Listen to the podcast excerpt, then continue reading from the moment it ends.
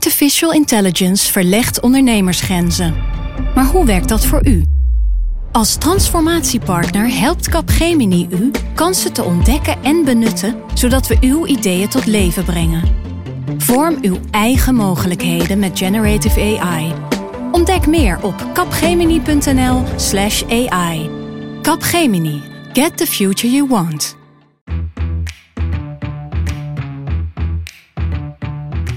Dit is Haagse Zaken van NRC. Mijn naam is Lemia Aharwai.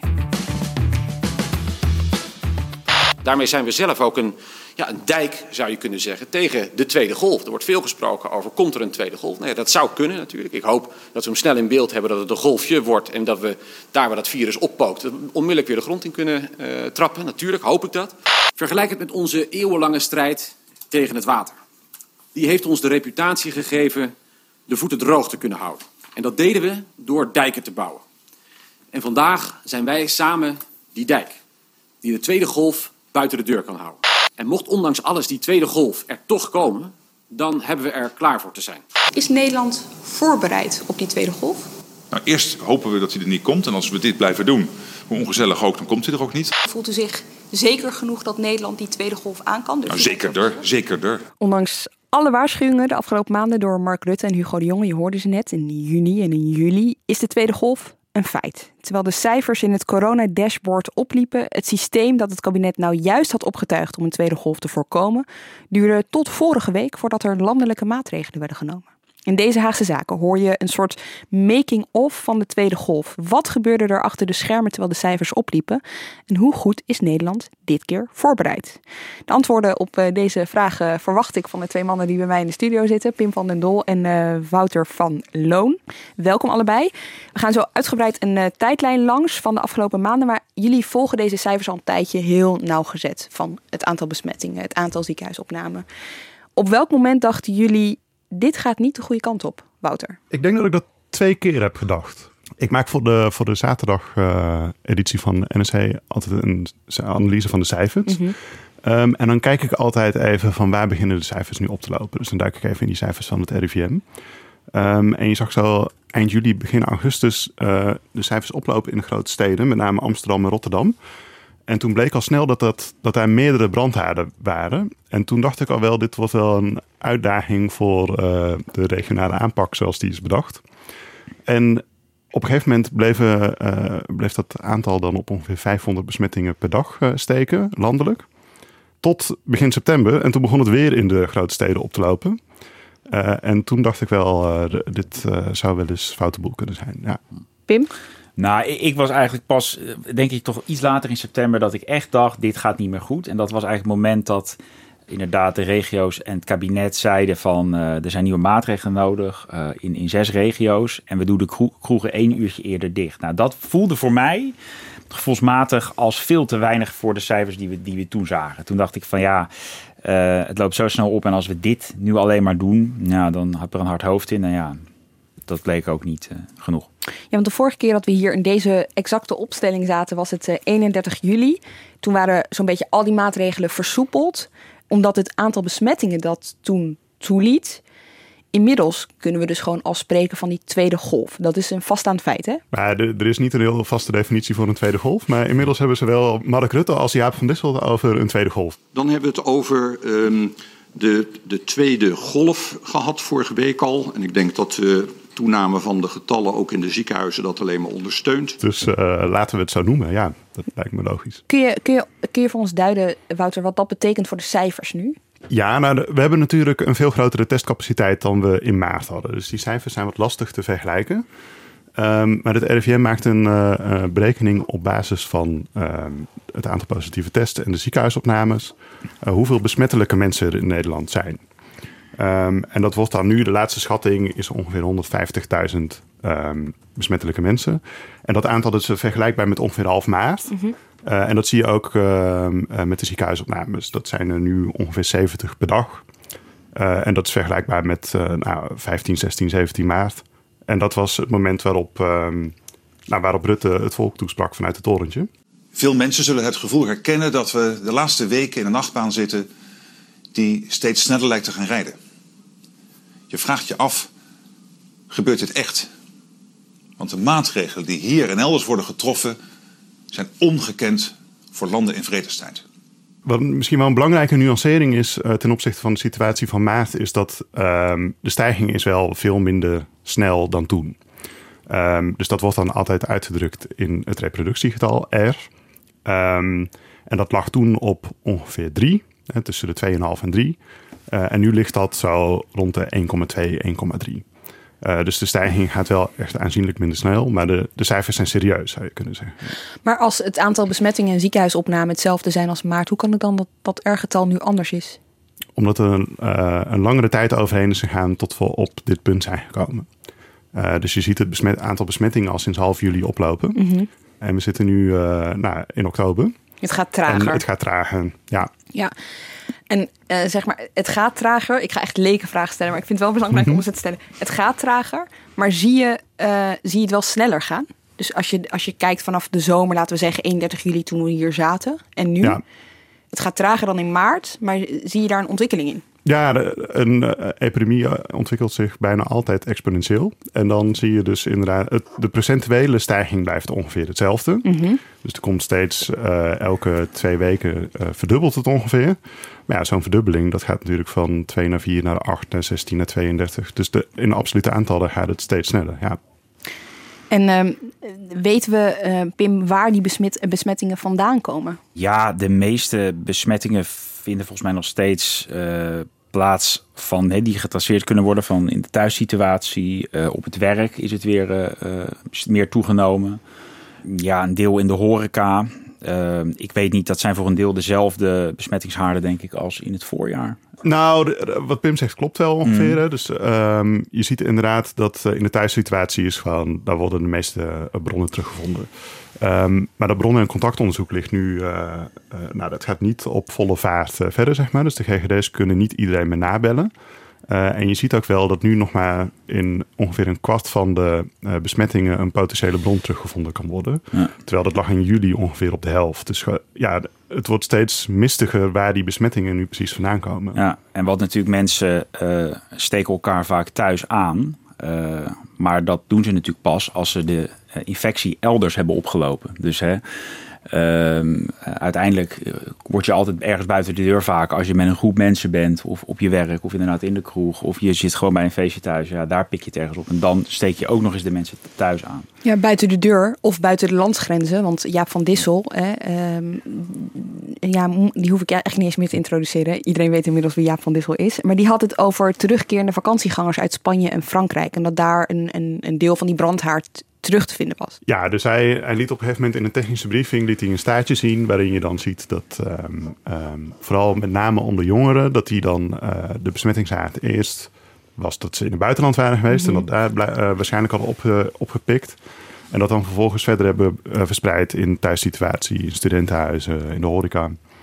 En dat zou dan ook worden ondersteund door uh, nou, stamboomonderzoek. Dus zo'n virus dat, dat uh, heeft een stamboom, waardoor je kan zien waar het ongeveer vandaan komt. Um, en dan, wat dan nu veel in Nederland rondgaat, uh, zou een stam van het virus zijn dat ook mm. in Spanje en Zuid-Frankrijk veel rond zou gaan. Maar goed, er is nog wel wat discussie over of die, uh, of die theorie, hoeveel steek die nu eigenlijk houdt. Want er, uh, er wordt ook al gezegd dat die stam überhaupt wat oprukt naar het noorden. Dus dat die bijvoorbeeld in België ook rondgaat. en dat hij op die manier ook op een andere manier in Nederland terecht zou. Dus er zit eigenlijk wel nuancering in die uitspraak. Ja, hij is niet zo hard als, uh, als ik hem uh, wel eens heb gehoord. Ja, ja, ja. ja, Toch is het nog wel aardig om misschien terug te halen. Hè, dat we begin zomer natuurlijk... Uh, was er discussie over de vakanties. kan het weer? nou, je merkte toch heel erg wel de sfeer. Ook bij het kabinet van... Ach ja, moet toch wel weer kunnen. Buitenland is het wel even veilig als in Nederland. Als je maar aan de regels houdt. Ja. Uh, en het is natuurlijk allemaal wijsheid achteraf. Maar als je dan nu toch, hè, een deel van die besmettingen daar toch weer op terug te halen is. Dat zo de virus is teruggekeerd in Nederland. Ja, dan kan je altijd weer achteraf afvragen. Hebben we toen niet toch uh, te snel alles weer losgelaten? Ja. En te snel versoepeld? Dat is natuurlijk een vraag die nu, ja, die echt wel gesteld uh, wordt. En wat ik me nog wel even afvraag als we het hebben over waar die besmettingen ontstaan. Er, valt er want thuis wordt vaak genoemd, werk wordt va vaak genoemd. Zijn er percentages aan te plakken? Ik bedoel, valt daar, is daar een overzicht van? Ja, dus de... Ondanks het beperkte bronnencontactonderzoek. Ja, precies. Het RIVM die, uh, uh, heeft elke week een update. En daarin geven ze ook een overzicht van de resultaten van het bronnen- en contactonderzoek. En dat moet ik nu even uit mijn hoofd doen, want dat heb ik niet zo voor me. Maar ik zeg uit mijn hoofd, de helft wordt ongeveer veroorzaakt in thuissituaties. Mm -hmm. Van in elk geval de besmettingen die uiteindelijk getraceerd kunnen worden. En ongeveer 10% vindt plaats op het werk. En dan heb je nog een goede uh, 20% zeg ik uit mijn hoofd, die dan familiebijeenkomsten of feestjes of borrels. Uh, dus dat is een beetje de verhouding uh, waar, je, waar je aan moet denken. Maar goed, van de meeste weten we het dus niet. Hè? En dat is dus dat, dat suggereert, of dat is het bewijs natuurlijk, dat het gewoon echt, dat noem je ja, gemeenschapstransmissie, gewoon een heel moeilijk woord, maar dat het gewoon in de samenleving weer rondgaat zonder dat we eigenlijk weten hoe. Ja. Dat is nu het probleem. Ja, want besmettingen is één, maar een aantal van die besmettingen resulteren, resulteren uiteindelijk in ziekenhuisopname. Pim, jij was afgelopen week op reportage in het uh, Elisabeth Twee Steden ziekenhuis. Dat was het ziekenhuis dat tijdens de eerste corona-uitbraak echt hard was getroffen. Wat zag jij daar? Ja, inderdaad, Brabant was uh, de eerste regio ja. die in het voorjaar zo, zo hard werd getroffen. De Brabantse ziekenhuis dreigde toen helemaal te, te overspoelen uh, met, met patiënten. Uh, moesten ook patiënten naar andere regio's sturen, naar de Randstad bijvoorbeeld. Nu is het een beetje andersom, dus het is daar nog iets rustiger dan in de ziekenhuizen in de Randstad. Maar goed, ook in Tilburg en eigenlijk in alle ziekenhuizen in Nederland lopen de cijfers weer heel hard op en komen weer in een ja, veel hoger tempo ook dan verwacht en gehoopt weer nieuwe patiënten binnen. Misschien is het aardig om nog even uh, hè, wat uh, cijfers te noemen. Er uh, zijn nu elke dag bijna 70 ziekenhuisopnames. landelijk. Afgelopen landelijk, ja inderdaad. Afgelopen week 800 ten opzichte van 500 een week eerder op de gewone afdeling in de ziekenhuizen. en er liggen nu weer in totaal meer dan duizend patiënten in de ziekenhuizen. Waarvan ruim 900 op de gewone verpleegafdeling en weer ruim 200 op de IC's. Dat is nu ongeveer het beeld.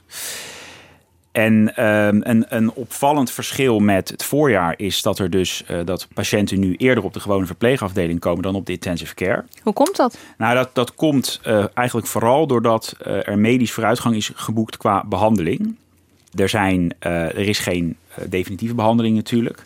Maar er zijn wel allerlei ontstekingsremmers, virusremmers die nu kunnen worden ingezet, waardoor het ziektebeloop milder wordt. Uh, wat ik ook hoor in de ziekenhuizen is dat patiënten, doordat we dus meer testen, komen er eerder achter dat iemand geïnfecteerd en ziek is. En komt hij ook eerder in het ziekenhuis, wat helpt om hè, eerder behandelen, is minder ziek. Uh, dus dat is allemaal een reden dat ze iets minder snel nu op de IC belanden. Ja. Voor de ziekenhuizen is het alleen even goed een grote belasting. Want of de patiënt nou op de intensive care ligt of op de verpleegafdeling, hij bezet een bed en er staat personeel aan het bed. Dus weet je, voor de uh, belasting van de zorg maakt dit gewoon niet zo heel veel verschil. En dat is het punt, want het doel van al die maatregelen die steeds weer zijn genomen was we gaan kwetsbare mensen beschermen natuurlijk. Maar ook die zorg ja. niet nog een keer nee. zo overbelasten als in de eerste golf. Precies. En dat lijkt nu alweer niet te lukken. En uh, inderdaad, het is goed om nog even uit te leggen dat... Uh, in de, uh, bij de eerste golf, die kwam zo snel en zo onverwachts... Dat de ziekenhuizen het totaal overrompeld werden... en dat ze eigenlijk alle andere zorg uh, moesten uitstellen. Dus operaties werden afgezegd. Uh, mensen gingen ook uit angst het ziekenhuis mijden, waardoor uh, kankerpatiënten, hartpatiënten, die gingen, gingen niet meer naar het ziekenhuis. Met grote negatieve gevolgen ook natuurlijk voor de volksgezondheid. Want corona is vervelend en erg, maar een kankerpatiënt die een behandeling mist, leidt nog meer. En daarom was het echt de bedoeling dit najaar om zo goed voorbereid te zijn qua beleid, qua nou ja, organisatie in de ziekenhuizen, dat ook al zou er een tweede golf komen, toch de gewone zorg do door zou kunnen gaan. Alleen dat was alleen gelukt als de besmettingen en ziekenhuisopnames zeg maar, uh, op zo'n manier waren gestegen dat het allemaal beheersbaar was voor de ziekenhuizen. Dat ze dus genoeg personeel hadden om naast die uh, coronapatiënten ook al die andere patiënten te verzorgen. En dat loopt gewoon nu alweer helemaal in de soep, omdat het gewoon veel te hard stijgt. Veel te hard stijgt. Dus bijvoorbeeld een aardig voorbeeld is denk ik, ik was dus in Tilburg, daar hadden ze toen ik daar afgelopen week was, ongeveer 30 coronapatiënten in het ziekenhuis liggen. Uh, ik dacht vijf op de IC en ongeveer 25 op de gewone verpleegafdelingen. Uh, en zij hadden gehoopt dat ze het hele najaar lang maar één cohortafdeling in het ziekenhuis zouden hoeven te gebruiken met 20 patiënten. Dus dat de tweede golf zo geleidelijk ja. zou gaan, dat ze maar één afdeling met 20 patiënten operationeel zouden hoeven En hebben. ze hebben er nu al 30. is het al meer. En het stijgt de komende weken alleen maar verder door in de ziekenhuizen. Kortom, eh, ja, ze zijn daar. En in het hele land zullen ze genoodzaakt zijn om weer andere zorg uit te stellen. Dus ja, dat is dat. Hè, ehm, wat iedereen had willen voorkomen. Is wel eh, gebeurd. Gaat wel weer, gaat weer gebeuren. Gebeurt nu al. Ja. In die eerste golf was het zo dat er een eh, speciale unit in het Erasmus eh, Medisch Centrum werd opgestart. Hè, omdat die patiënten gespreid moesten worden door heel Nederland. Dat is eventjes weg geweest. En dat is ook weer terug. Ja, klopt. Dat was eigenlijk de hele zomer niet, eh, niet nodig vanwege het lage aantal eh, ziekenhuisopnames. Maar een paar weken geleden eh, is dat centrum toch weer actief geworden. Hè, om, ehm, ja, met als doel dat ziekenhuizen waar het bijvoorbeeld nog heel rustig was, de laatste weken in, in Limburg bijvoorbeeld, maar ook in Brabant hadden ze wat meer capaciteit dan in de Randstad. Zodat ze dus patiënten van elkaar konden Ja. overnemen, coronapatiënten. Ehm, alleen binnen een paar weken is dat systeem eigenlijk nu alweer een soort van vastgelopen, omdat de ziekenhuizen kunnen elkaar nu bijna niet helpen. En waarom is dat? wat ik net zei, het doel is nu, hè, alle gewone zorg gaat gewoon door. Ja. Dus eh, alle coronapatiënten die in ziekenhuizen komen, komen bovenop de normale bezetting van al die operaties en behandelingen die gewoon nu doorgaan. Dus ze hebben heel weinig ruimte, merken ze nu al, om te- elkaar te helpen met dat overnemen van die patiënten. Wat een extra complicerende factor is, denk ik, is ook dat zorgpersoneel, dus ook net zoals in de eerste golf, en toen was het nieuw voor ze relatief, dat, dat ze nu weer ja, Ja. eh, meer dan 100% moeten gaan geven. Nou ja, dat is mentaal natuurlijk vreselijk zwaar. Eh, het is alleen ook gewoon organisatorisch voor de ziekenhuizen is het gewoon bijna niet te doen. Er Ja. is al, hè, er is een gigantisch personeelstekort in de zorg. Dat was er al voor corona. Ja. Eh, dus ja, weet je, al die, er zijn allerlei extra bedden hè, eh, in theorie ook geregeld. Er is een heel plan voor de zomer gelanceerd van we gaan nog meer IC-bedden eh, beschikbaar maken voor de tweede golf. Alleen er is geen personeel om aan die bedden te staan, om die patiënten te verzorgen. Dus de zorg kan helemaal niet veel meer patiënten aan. Dat zijn de ziekenhuizen. Heb je zicht op de verpleeghuizen? Want daar ging het natuurlijk ook mis in die Ja. eerste golf. Hoe is dat nu?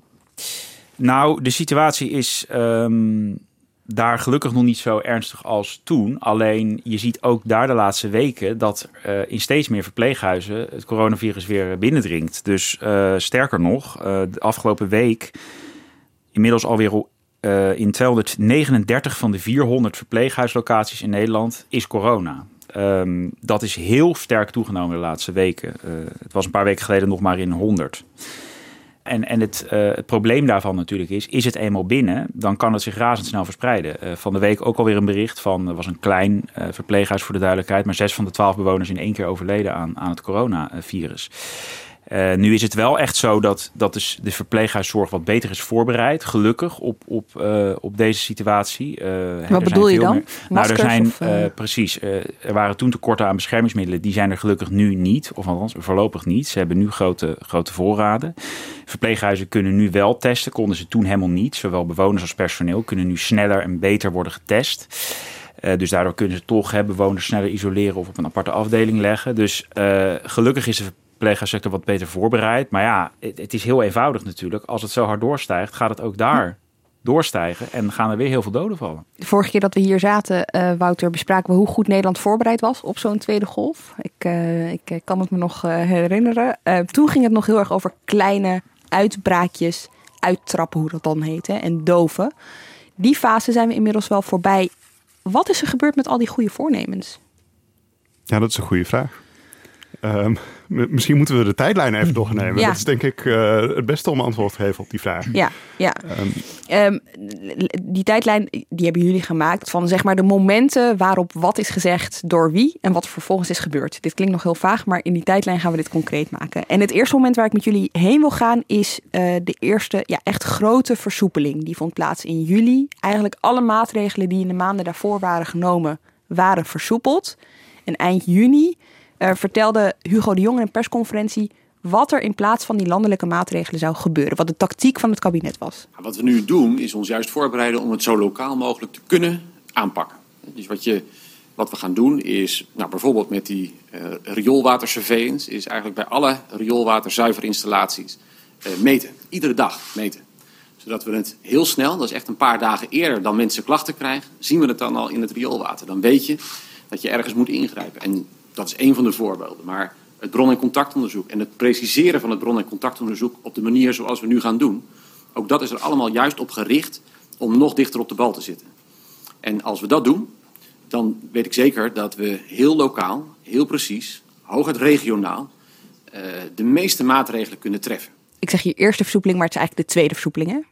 Ja, dus de eerste versoepeling was in juni. Ja. En de tweede uh, werd er nog wat extra versoepeld. Dat, dat, dat was in juli. En um, nou, dat, dat zou op dat moment nog even de laatste grote versoepeling van uh, de komende tijd zijn. En we horen Hugo de Jonge hier uh, meerdere dingen zeggen, maar vooral de aanpak moet vanaf nu lokaal zijn. Hooguit regionaal. Ja, dus die uh, intelligente lockdown die we in maart hadden, dat, dat was um, misschien wel een erg harde hamer, was het idee. En op dat moment waren de cijfers ook gewoon laag. Dus er waren ongeveer 60 positieve tests per dag. En op dat moment kon iedereen zich al um, laten testen als die klacht had. en dat, ja, dat was gewoon, dat was echt heel laag. Dus het idee was toen, het virus waart nu zo weinig in Nederland rond, dat we elke keer als het, als het opleidt, dan kunnen we die brandjes kunnen we, echt lokaal uittrappen. En daarvoor was dat dashboard uiteindelijk gemaakt. Dus op dat dashboard kunnen we zien, oh, de aantallen beginnen nu op te lopen in de regio Zeeland. laten we dan de veiligheidsregio in Zeeland, die moet dan zelf gericht maatregelen gaan nemen. Ja. Om te voorkomen dat het over de rest van het land verspreidt. Ja, en Hugo de Jonge vertelde dat dan alsof het een dashboard was in een auto met allemaal knopjes waar je aan kon draaien. Hè? En uh, die signaalwaardes die, die tonen dan aan hoe hard je ging en uh, ja. hoeveel, hoeveel, uh, hoeveel benzine je nog had en zo. Het klonk allemaal heel mooi, maar eigenlijk was het helemaal niet zo heel concreet. Hè? Wanneer wat zou moeten gebeuren in, die, in dat dashboard. Nee, nou, het ging zelfs zover dat Hugo de Jonge het eigenlijk verkocht als we gaan nog ingrijpen voor uh, het aantal positieve tests op gaat lopen. Want we hebben die, dat rioolwater en dan kunnen we, daarin kun je dan ook detecteren van er zijn mensen in deze omgeving en die hebben uh, corona. En dat kun je dan vier dagen ongeveer zien voordat de, het aantal tests op gaat lopen. En zijn voorstel was van laten we dan al ingrijpen. Laten we dat nog doen voordat we het in de test zien. Uh, maar hoe dat inderdaad precies moest gebeuren, dat bleef heel vaag. Dat liet hij min of meer over aan de veiligheidsregio ja, zelf. Er waren eigenlijk early warning systems ingebouwd. Ja, precies, ja. Dan wordt het juli en dan zijn er wat oplevingen van het virus. Uh, maar die worden ook wel weer snel ingedampt. Ja, dus toen, toen, zagen we in een paar regio's zagen we dat, het, uh, dat de aantallen soms best wel flink opliepen. Dus we hadden bijvoorbeeld in Goes waren er twee uh, privéfeestjes geweest. Uh, en daar waren echt al tientallen mensen besmet geraakt. En op dat moment grepen die veiligheidsregio's ook wel um, het voortouw. Daar ben je nog geweest hè, in Goes om te kijken ik ben, hoe dat ja, ging. ik ben toen in Goes geweest om te kijken hoe dat ging inderdaad. Maar kijk, echte maatregelen zijn er toen ook niet genomen. Uh, dus Goes heeft dat, uh, in Goes was het vooral onder jongeren. Toen is er een uh, campagne opgezet om jongeren op te roepen om zich te laten testen en deel te nemen aan het bronnencontactonderzoek. En nou, dat was uiteindelijk genoeg om die brandjes uit te, uit te trappen. Maar dat waren hele, wel hele spe specifieke ehm, brandhaarden die daar werden gevonden. Dus er waren oplevingen, er werd soort van ingegrepen, al dan niet met een campagne. En mm -hmm. je zag dat weer verdwijnen. Ja, precies, ja, dat ja. was dan weer uitgestampt. Maar vervolgens bereikte dat in juli ook de grote steden.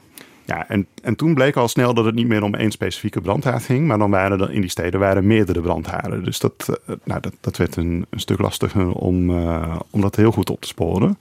En op een gegeven moment begon dat bron- en contactonderzoek ook al wat, wat vast te lopen. Dus die steden konden dat op een gegeven moment niet meer aan. Uh, niet meer aan. Ja, en ik weet nog, toen was er een beetje de roep van waar blijft het kabinet? Want je ziet, hè, je ziet het oplopen in die grote steden. En uh, zij waren voor een groot deel uh, op vakantie. En ze hadden een soort van diensten bedacht. Dus om de beurt moest er een van ze paraat staan. En grappig genoeg was dat Vert Grapperhaus op 22 juli. De stijging van het aantal coronabesmettingen is een waarschuwing.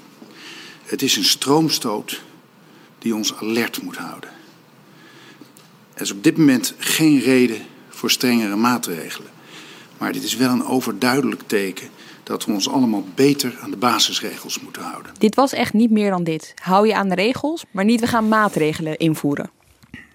Nee, daar werd toen wel mee gedreigd. Dus Grapperhaus zei mij wel van, nou, als we dit niet snel onder controle krijgen, dan, uh, nou, dan moeten we misschien wel drukke winkelstraten gaan afsluiten. Maar nu is dat nog niet nodig. Uh, en om een beetje de situatie te schetsen, dit was op uh, 22 juli. En rond die tijd waren er zo rond de 160, 170 positieve tests per dag. Terwijl in begin juli was dat nog, nog 60 per dag. Dus de aantallen beginnen al wel redelijk op te lopen. En dat was het landelijke beeld? Dat was het landelijke ja. beeld, ja. ja.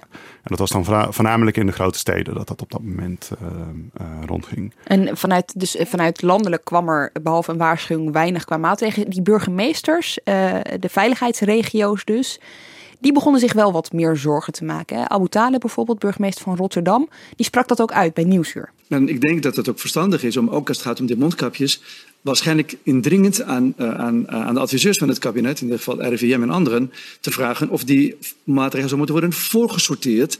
Opdat als de cijfers oplopen, dan heb je weer een maatregel die je kunt inzetten. U zou het graag wel als advies willen zien? Die niet alleen ik, ik zie dat er steeds meer uh, burgemeesters in, in. Ik mag dat ook namens Femke Halsema van Amsterdam ook, vandaag ook hier zeggen, dat we in dit geval met z'n tweeën en ook een aantal andere collega's zouden willen dat die optie onderzocht moet worden om te kijken of die ingezet moet worden als de cijfers de komende weken blijven oplopen. Nou, Abu Taleb was er wel echt uh, vroeg bij wat dat betreft. Hij had, hij had wel in de gaten, hij waarschuwde eigenlijk voor het eerst van...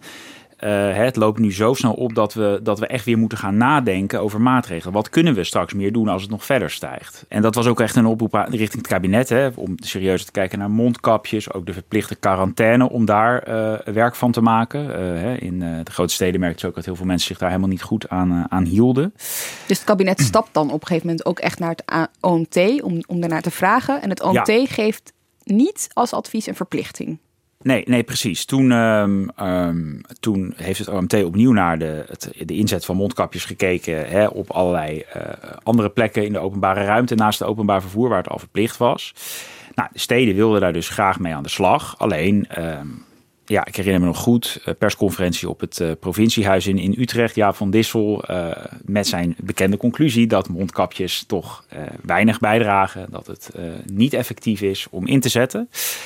Dus ja, daar uh, uh, werd eigenlijk er werd geen landelijk beleid op gemaakt. Uh, er werd wel gezegd, de regio's mogen, als ze dat willen, met een mondkapjesverplichting gaan experimenteren. Dat zijn Rotterdam en Amsterdam dan ook gaan doen in augustus. Ze hebben toen op drukke plekken hebben ze een paar weken lang mondkapjes verplicht in de openbare ruimte, zelfs op, op straat, in de winkelstraten. Verplicht, dus niet zoals ja, dat was, advies. Precies, dat was daar wel verplicht. Ja. Nou, en, en over die proef waren ze niet, uh, niet helemaal ontevreden. Um, uh, ze zagen bijvoorbeeld dat mensen niet nog onvoorzichtiger werden. Dus uh, over die mondkapjes is een hele discussie natuurlijk. Werken ze medisch nou? Helpen ze wat tegen het virus?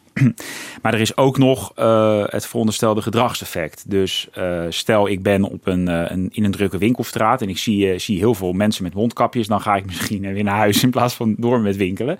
Of ik hou meer afstand. Is dat bewezen of is dat een hypothese? Nee, dat, het, het idee van het experiment was, dat gaan we nu uitzoeken. Ja. Alleen het gaf hele uh, ja, uh, voorzichtige resultaten, zeg maar. Dat um, uh, mensen werden dus niet onvoorzichtiger. Dus ze gingen niet minder afstand houden, maar ze gingen ook niet per se meer afstand houden. Het werd ook niet uh, minder druk in die winkelstraten. Toen hebben de steden gezegd, nou dan gaan we nu niet direct die mondkapjesplicht opnieuw invoeren. Wat hier wel interessant uit is, als we weer een beetje uitzoomen... Mm-hmm. Dus veiligheidsregio's maken zich zorgen. Vanaf het begin is gezegd, we hebben het net Hugo de Jonge horen zeggen, we gaan het lokaal aanpakken. Maar je zag tegelijkertijd ook dat die veiligheidsregio's geen idee hadden wat ze dan konden doen. Hoe nee. ver ze mochten gaan met die maatregelen. Nou, de, eigenlijk dat ze dus ook niet gewoon niet wisten welke maatregelen kunnen wij nu nemen. Er lag niet eens een pakket klaar of zo met maatregelen. Nee, nee. Uh, uh, de mondkapjesplicht die hingen wel in de lucht. Daar hadden we het net over. Daar werden wel over gesproken. Maar verder werd er steeds gezegd, ja, we kijken naar uh, regionale maatregelen. Maar ja, wat die regionale maatregelen nou precies waren, dat was op dat moment nog niet echt uh, duidelijk. Ja, en in een persconferentie van 6 augustus begon Hugo de Jonge over een gereedschapskist aan lokale maatregelen. Omdat we lokaal goed zicht hebben op nieuwe besmettingen, nemen we ook daar de maatregelen. Of en waar dat nodig is, dat zien we op het dashboard en aan de analyses van onder meer het bron- en contactonderzoek. Met de GGD'en en de veiligheidsregio's ontwikkelen we een lokale gereedschapskist waarmee we het virus de kop in kunnen drukken daar waar het de kop opsteekt. Mark Rutte noemde daar net al de voorbeelden van en aan die gereedschapskist blijven we instrumenten toevoegen. Want die inzetten is de snelste, de gerichtste en de effectiefste aanpak. De situatie in Rotterdam vraagt gewoon om een andere aanpak dan in Renkum. In aanvulling op die regionale instrumenten blijven ook landelijke maatregelen noodzakelijk om in te kunnen zetten. En dat doen we dus ook. Dit is interessant. Hij begint hier dus eigenlijk pas over die gereedschapskist, terwijl al weken van tevoren is bedacht, we gaan het lokaal aanpakken. Ja, er zijn op dat moment zijn we, hebben de veiligheidsregio's wel een, een paar maatregelen die ze in kunnen zetten. Dus ze kunnen bijvoorbeeld um, st uh, drukke straten eenrichtingsverkeer maken. Of het publiek bij sportwedstrijden weren. Maar dat, ja, je zou kunnen zeggen dat is klein bier. Ze hebben niet echt uh, maatregelen die ze kunnen nemen om echt hard in te grijpen. terwijl rond die tijd, dan begint in Amsterdam en Rotterdam begint de situatie al toch wel wat precair te worden. Want zij gaan dan over de signaalwaarde van zeven positieve tests per dag per 100.000 inwoners. Dat is een van de belangrijkste knoppen op dat dashboard. Precies, ja, of in elk geval een van de belangrijkste lampjes. Dat heeft het, uh, het ministerie heeft zelf gezegd. Van, nou, als je over deze waarde heen gaat, dan beginnen die cijfers toch wel gevaarlijk hoog te worden. En dan moet het toch wel echt ingegrepen gaan worden. Maar ja, welke maatregelen dat dan precies zouden moeten zijn, daar wordt nog steeds over nagedacht op dat moment. Oké, dus op dat dashboard knipperen die lampjes al er wordt best wel gediscussieerd achter de schermen. Wie moet er nu eigenlijk ingrijpen? Wie, weet je wel, zijn dat de veiligheidsregio's, de burgemeesters? Zijn dat, is dat landelijk? Dan komt die test met mondkapjes in de grote steden en heb je op sommige plekken eenrichtingsverkeer. Ik kan me de Kalverstraat in Amsterdam bijvoorbeeld nog wel uh, herinneren. Maar het devies vanuit Den Haag blijft dan ook alleen maar regionale maatregelen. Ja. Maar volgens mij wat, wat, wat hier gewoon gebeurde, is dat het kabinet en de burgemeesters eigenlijk heel de tijd uh, naar elkaar keek. Wie is nu aan zet? Wat kunnen we nou doen? Wat moeten we nou op welk moment doen? Want kijk, eh, die gereedschapskist, ja, ik kan, had zelf wel kunnen bedenken wat er in een gereedschapskist met regionale maatregelen zit. Als je terugkijkt naar de lockdown, wat je, wat je zou kunnen proberen. Uh, denk aan inderdaad hè, het, het echt weer beperken van, van drukke horeca. Het, het eerder sluiten. Kijk, eh, er is gewoon zo'n soort uh, hele lang gediscussieerd, hè, gepolderd van ja, wat kunnen we nou eigenlijk doen? Maar lag dat er bijvoorbeeld aan dat niemand de verantwoordelijkheid wilde nou, dragen over bijvoorbeeld, ik kan me voorstellen dat een burgemeester denkt, ja, als ik straks juist, aan cafés kijk, hier moet gaan zeggen dat kijk, ze dicht dat speelde dus absoluut een grote rol. je kan wel zeggen, regio's, het is aan jullie, grijp in. Maar voor Amsterdam is het natuurlijk helemaal niet aantrekkelijk. Ik heb destijds ook wel eens met Amsterdam aan de telefoon gehangen. Om uh, de eigen horeca uh, bijvoorbeeld te zeggen uit eigen beweging, joh, die doen we om tien uur dicht. Uh, en dan hopen we dat de besmettingen teruglopen. Terwijl ja, in andere regio's blijven de horeca open. Dan raak je je eigen ondernemers. Dus ik, in mijn indruk was dat dat voor, voor veiligheidsregio's, burgemeesters helemaal niet zo aantrekkelijk was. Ook om in de eigen regio heel streng in te grijpen. Ook als andere regio's dat dan niet doen. Hè, er was ook discussie over, is het dan wel effectief? Krijg je dan niet uh, een waterbedeffect? Dat mensen juist naar de andere steden gaan reizen. Uh, maar er was gewoon, ja, waar de bevoegdheden nou precies lagen, wie nou op welk moment wat kon doen, dat, dat bleef gewoon weken uh, ja, daardoor onduidelijk. Men keek naar elkaar. Nee, maar misschien, wat misschien wel een mooi voorbeeld is van hoe die strijd precies ging, is op 18 augustus. Zoals aangekondigd presenteert Amsterdam later vanavond gerichte maatregelen om de risico's op drukke plekken in de stad terug te dringen. U weet, die regionale aanpak is heel belangrijk in deze fase. Doel is immers om steeds zo gericht mogelijk in te grijpen. Regionaal waar dat kan en landelijk waar dat moet. Die avond heeft Amsterdam inderdaad regionale maatregelen aangekondigd. Maar die gingen niet veel verder dan een aanlegverbod voor bootjes in twee plekken in de stad. En werd gewoon gezegd van nou, we hebben op sommige plekken straat al eenrichtingsverkeer gemaakt. En als dit niet helpt, uh, dan moeten we misschien wel naar strengere maatregelen gaan kijken, zoals uh, vroegere sluitingstijden voor, tijden voor de horeca. Maar dat was het dan ook. Verder werd er uh, gewezen naar de adviezen van nou, het, die het kabinet die avond ook aankondigde. Zoals bijvoorbeeld dat je maar zes personen thuis mocht uitnodigen. Maar dat waren niet afdwingbare maatregelen. Dus het enige wat Amsterdam eigenlijk die deed was die avond, echt specifiek als maatregel werd genomen, is een aandekverbod uh, voor bootjes op twee plekken in de stad. Als je dan kijkt naar dit soort maatregelen en hoe het dashboard er toen tijd uitzag, is het dan, was het dan te weinig? Nou, op dat moment was uh, Amsterdam al over die signaalwaarde ja. van uh, zeven positieve tests per dag per 100.000 inwoners heen. En zoals het ons steeds was volgehouden, was dat het moment om, om stevig in te grijpen om te voorkomen dat het nog verder uit de hand loopt. Dus ja, je zou zeggen dat, het misschien, dat er misschien wel wat meer nodig was dan dat. Ja. ja. Op een gegeven moment uh, komt het op zo'n 500 positieve tests landelijk per dag. En dat aantal dat blijft dan een tijdje gelijk. Ja, dus uh, Rutte kondigt op een gegeven moment ook af, dat is dan begin september, van oké, het stijgt nu niet meer verder. We zitten op een plateau, zoals hij dan, dan, dan noemde. En uh, nou, hopelijk was dit het. Dat is eigenlijk uh, wat hij die avond zegt. Het is nogal reden om je zorgen te maken, maar het lijkt onder controle. Maar onder controle terwijl dus weinig maatregelen zijn genomen. Dat vind ik best wel moeilijk met elkaar te rijmen. Ja, maar op dat moment leek het dus dat het, uh, uh, het aantal uh, besmettingen niet meer opliep. Ja. dus hij hoopte dat het genoeg was. Dus die strenge persconferenties, dat mensen zich weer beter aan de Ja, basisregels zijn gaan houden. Ja. en dat er dus niet veel strengere maatregelen nodig waren. Een soort wake-up call was er Precies, geweest. ja. Maar ja, dan, eh, dat, was, dat bleek ijdele hoop. Want weken daarna zag je het aantal weer eh, snel oplopen. Een paar dagen daarna al zelfs. Ja. Ja, dus ehm, het klopte wel hoor, wat Rutte zei. Het was op dat moment eh, was er een tijdje niet meer, geen stijging meer te zien. Maar een paar dagen daarna, toen zagen we ineens in de grote steden de aantallen weer oplopen. En toen zag je de aantallen oplopen. De teststraten raakten vol. En half september werden die signaalwaardes op dat dashboard weer overschreden. Ja, alleen dan landelijk. Ja. dus toen was het niet alleen meer eh, in de grote steden.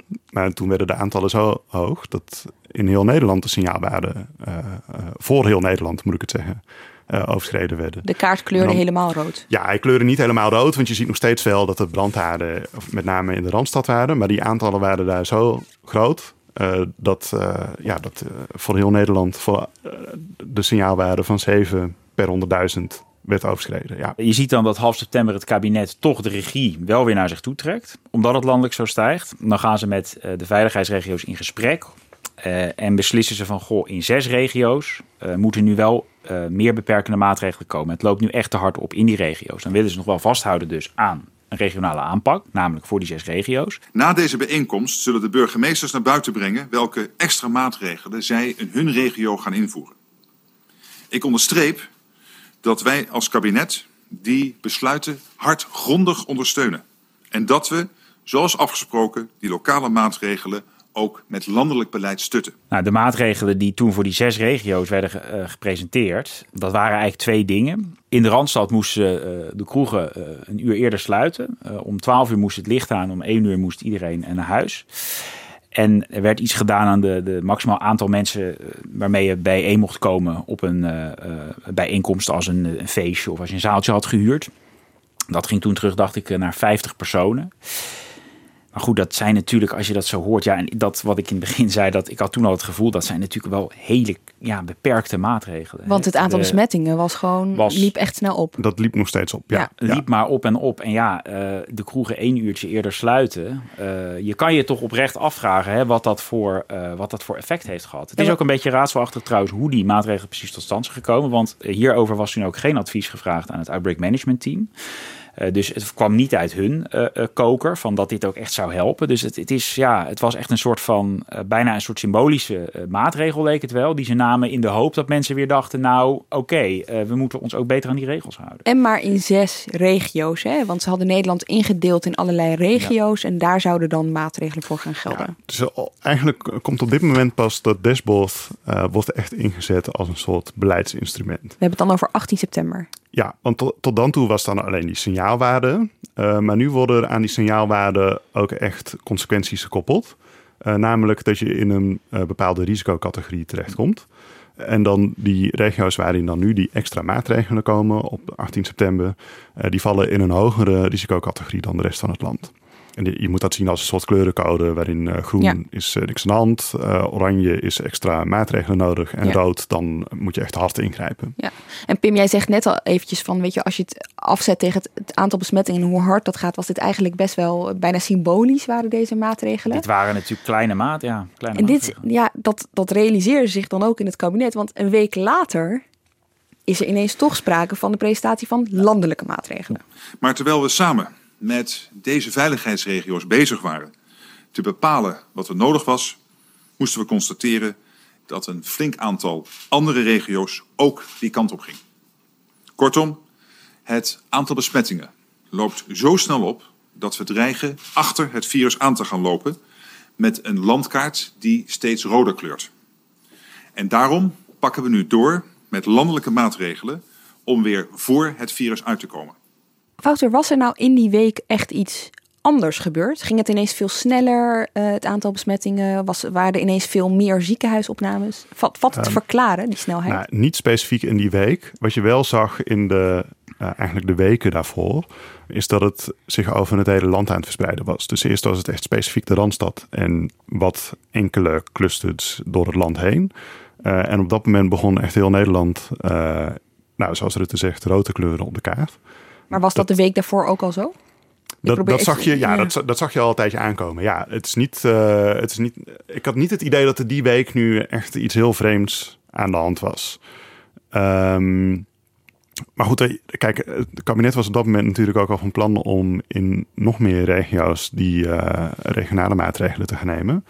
Ehm, En het idee ja, was toen- op een gegeven moment, ja, als je in eh, nog eens acht regio's erbij en nog eens twee erbij, weet je wel, dat je dan Ja. op een gegeven moment beter van landelijke maatregelen kan gaan spreken. Precies, ja. Maar dit, dit laat volgens mij wel zien dat die, eh, dat hele systeem van we doen per regio eh, maatregelen eh, en we zien verschillen en we zien het op tijd aankomen, dus echt niet heeft gewerkt. Want hè, die landkaart met die, die kleurencodes was nog, niet, werd nog een week gelanceerd of het moest allemaal helemaal landelijk gelijk worden getrokken en er moesten nog steviger maatregelen komen. Dus ja, daar kan je volgens mij aan zien dat, het, dat ze echt niet op tijd hebben. eh, eh, dat dashboard en die inschalingsniveaus allemaal bedoeld om het op tijd te zien aankomen. En ja, dat is gewoon totaal niet gelukt, kun je volgens mij zeggen. Heeft En- het dashboard niet gewerkt of is er niet geacteerd op het dashboard? Dat zijn Ja, natuurlijk wel twee. Ja, dus, eh, de- ehm, misschien wel allebei. Kijk, dat dashboard is nog volop in ontwikkeling, ook nu nog. Dus je ziet op 18 september pas dat, eh, dat die signaalwaarden consequenties beginnen te krijgen. En dat er dan een soort risico-inschaling per regio komt. Die was er nog niet. Maar die signaalwaarde van, eh, van zeven eh, tests per eh, 100.000 inwoners, die was er al. Ehm, en nou, iedereen kon zien op dat dashboard dat we daar overheen gingen. Maar dat had op dat moment nog weinig consequenties. Ja, en op 22 september noemde Jaap van Dissel in de Tweede Kamer nog de gereedschapskist met regionale maatregelen, hè, waar het al eerder in de zomer over was gegaan. En toen bleek eigenlijk dat die ook nog steeds niet af was. Dus terwijl de regionale aanpak al was ingehaald door landelijk ingrijpen, ja, was men nog steeds bezig om aan die gereedschapskist te werken, wat dat ook precies mag zijn. Ja, de- de- ik weet nog, eh, Maar- Dirk Stokmans en ik belden toen een beetje rond naar het ministerie van VWS, eh, van Volksgezondheid en het RIVM. Van wat zit er eigenlijk in die toolbox die Van Dissel noemde? En die verwezen vooral naar elkaar. Eh, en uiteindelijk was eh, Ja. de conclusie van ja, dat eh, geen idee.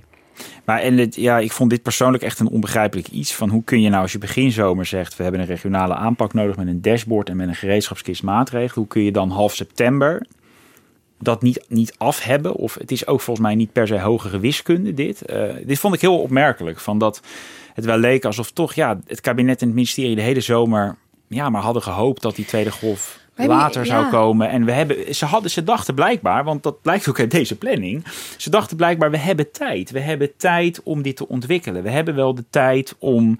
eh, hè, we hebben het in september nodig. We hebben het half september misschien een keer nodig. Eh, ja, en nu komt die gereedschapskist komt half oktober. Nou, misschien zitten we dan in een lockdown. Het is toch, dat is heel fascinerend, vind Maar ik. hoe, Hoe, verklaar, hoe je dat? dit is hoe verklaar je dat? Ja, wat ik dus net zeg, blijkbaar eh, heeft men gedacht dat men de tijd had om dit, eh, om hier langer aan te werken, om, om die regionale aanpak verder uit te werken, uit te, langzaam uit te rollen.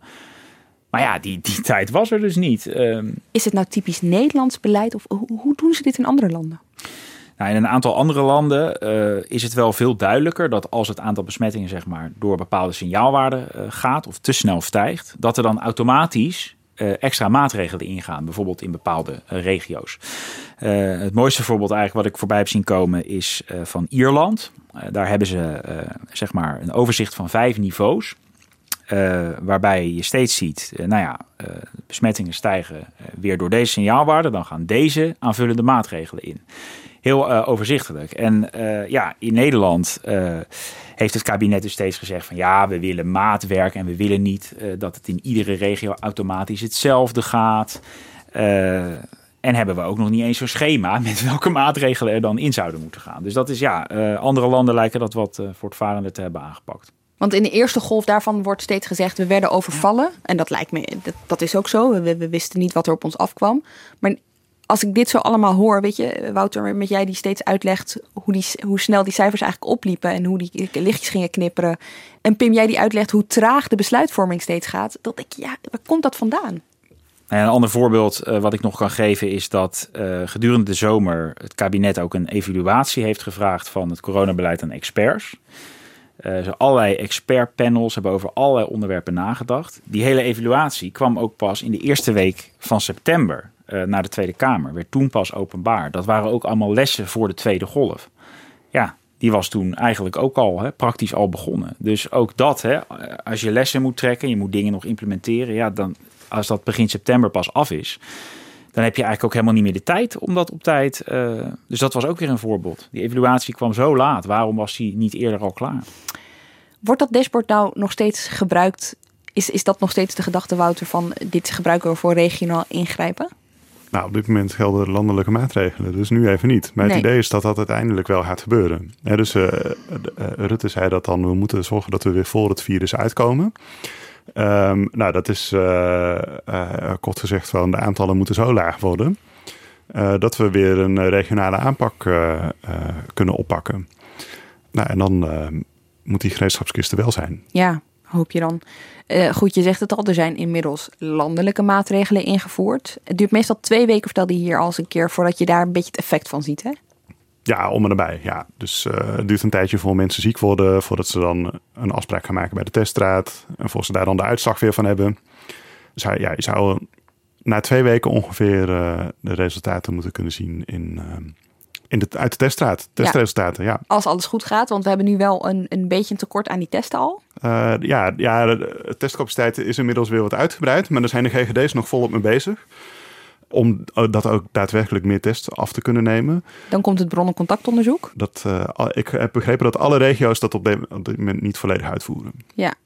En dan heb je uh, een aantal van de besmette mensen die terechtkomt in een ziekenhuis, waar ze nu dus al een beetje tegen de grens aanlopen. Ja, dat, dat zouden we na drie weken in theorie ongeveer moeten kunnen zien. Ja, maar jij zag het deze week eigenlijk al in, twee steden, in het Elisabeth Twee Steden ziekenhuis. Ja, die aantallen zullen helemaal oplopen. Hè. Die, die lopen, ja, de ziekenhuisopnames lopen echt weken achter op de, op de besmettingen. Um, dus het, kijk, de hoop is natuurlijk dat van dat stevige landelijke pakket dat nu gepresenteerd is, dat daarvan de, hè, dat noemen we steeds, dat de curve gaat afvlakken. Dus dat uh, de, groei, de groei eerst minder wordt en daarna echt een, een daling komt natuurlijk van, uh, van met name de positieve tests. Daar zit iedereen nu op te wachten. Maar ze stijgen alleen, voorlopig alleen nog maar door. Ja, komende maandag komt het OMT weer bij elkaar. Um, en dat advies, nou goed, we zitten weer een beetje in het ritme van een, een paar maanden geleden. Maandag komt het advies. In, volgende week zal er ook een persconferentie weer plaatsvinden. Al dan niet met, uh, met nieuwe maatregelen. Denken jullie het, nieuwe maatregelen? Valt daar iets over, zinnigs over te zeggen? Nou, um, de maatregelen van nu die zijn, dat is niet natte vingerwerk op basis waar die van zijn genomen. Um, al die maatregelen worden doorgerekend door het eh, RIVM. Eh, op het moment dat het OMT daar een advies over geeft. En het OMT adviseert de maatregelen om de R op 0,9 te duwen ongeveer. Maar goed, dat is uh, wel een gokje, want die berekeningen zijn ook weer niet zo specifiek dat je precies weet uh, wat het effect is. Dus ze kunnen dat wel ongeveer berekenen, maar precies weet je het niet. En ook niet het hele pakket is overgenomen door het kabinet. Ja, hier moet ik toch even een persoonlijke frustratie kwijt. Want voor de goede orde, de volgende is dus... eerst komt er een OMT-advies. Vervolgens komt uh, ja, de, de, de, de MCCB bij elkaar.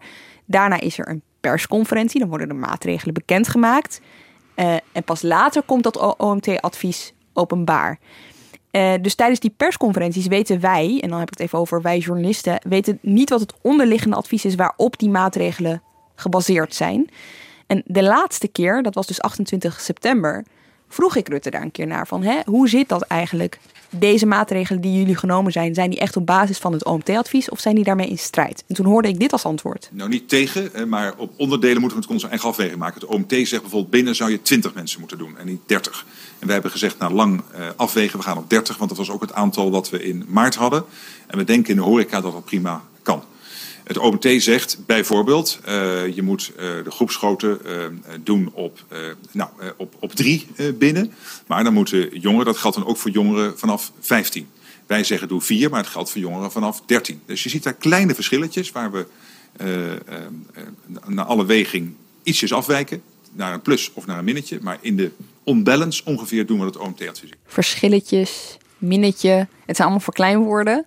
Maar uiteindelijk is dat verschil er wel. Ja, en, en die kleine verschilletjes die kunnen net het verschil opleveren tussen een er net onder de 1 of net boven. En dat betekent dus een krimpende uh, uitbraak of een groeiende.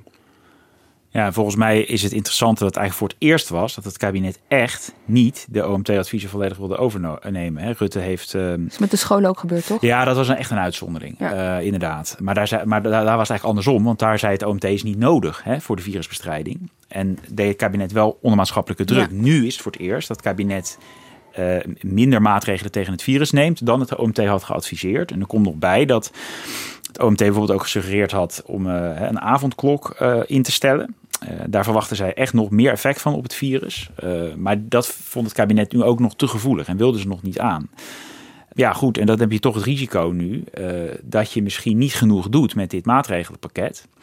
En het, ja, ik denk dat ook gewoon hè, de aarzeling bij het kabinet natuurlijk is van ja, we kunnen wel weer hard ingrijpen, maar het, het is ook weer zo erg voor de economie natuurlijk en voor de ontwrichting van de maatschappij. Dus daar, dat is natuurlijk nu, denk ik, nog meer dan bij de eerste golf een, een dilemma voor het kabinet. Ja.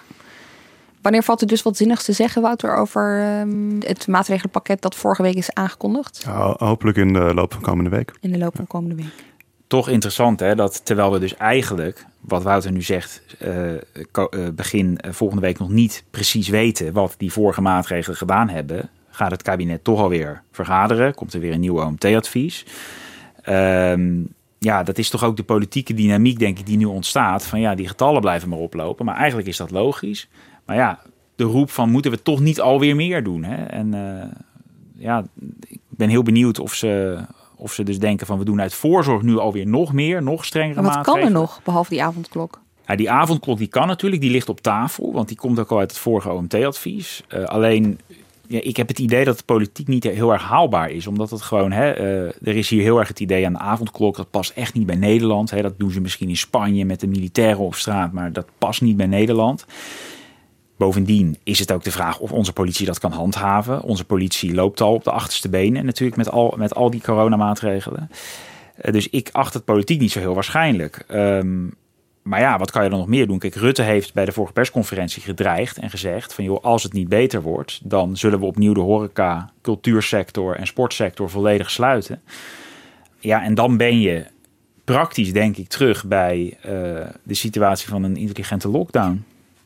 Toch, Wouter? Dat, dat, ja. ja. dat scheelt niet heel veel meer. Nee, nee. nee. Opbeurend einde. En zelfs dan, hè, om het nog, nog even wat, wat minder vrolijk te maken. Zelfs als het kabinet een nieuwe intelligente lockdown zou afkondigen, valt of staat natuurlijk alles met of de samenleving opnieuw daaraan wil meewerken. Want dat, kijk, dat is nu ook het probleem. Er zijn wel maatregelen, maar ze worden veel minder goed nageleefd dan bij die eerste golf. Toen was er een enorm gevoel van paniek en van urgentie. Mensen wilden ook helpen en meewerken. Ja, dat is volgens mij nu echt anders. Je ziet dat de naleving minder is. Dus het zou zelfs zo kunnen zijn dat, dat, een, ja, dat een intelligente lockdown, die natuurlijk vast en zeker iets gaat helpen, dat kan niet anders. Dat is heel ingrijpend. Maar ja, als mensen elkaar blijven opzoeken, als er huisfeestjes blijven uh, gehouden worden, uh, ja. Dan, dan, dan, ja, dan is de vraag: is het allemaal genoeg? Wout, heb je nog iets opbeurend? Zie jij, zie, jij licht, zie jij nog ergens licht in al die cijfers die je iedere week analyseert? Ja. um, Nee, eigenlijk niet. Nou, top. Dan ga ik jullie niet bedanken. Dank jullie wel. Wouter van Loon en Pim van den Dol. En jij ook weer bedankt voor het luisteren.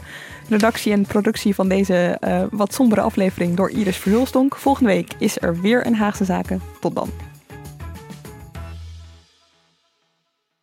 Ik ben al jaren ondernemer, maar waar moet ik eigenlijk allemaal aan denken nu ik voor het eerst personeel wil aannemen, voor het eerst ga importeren of voor het eerst een bedrijfslocatie zoek? Weet wat je wel of niet moet doen bij zaken die je voor het eerst oppakt. Check kvk.nl voor praktische stappenplannen. KVK, hou vast voor ondernemers.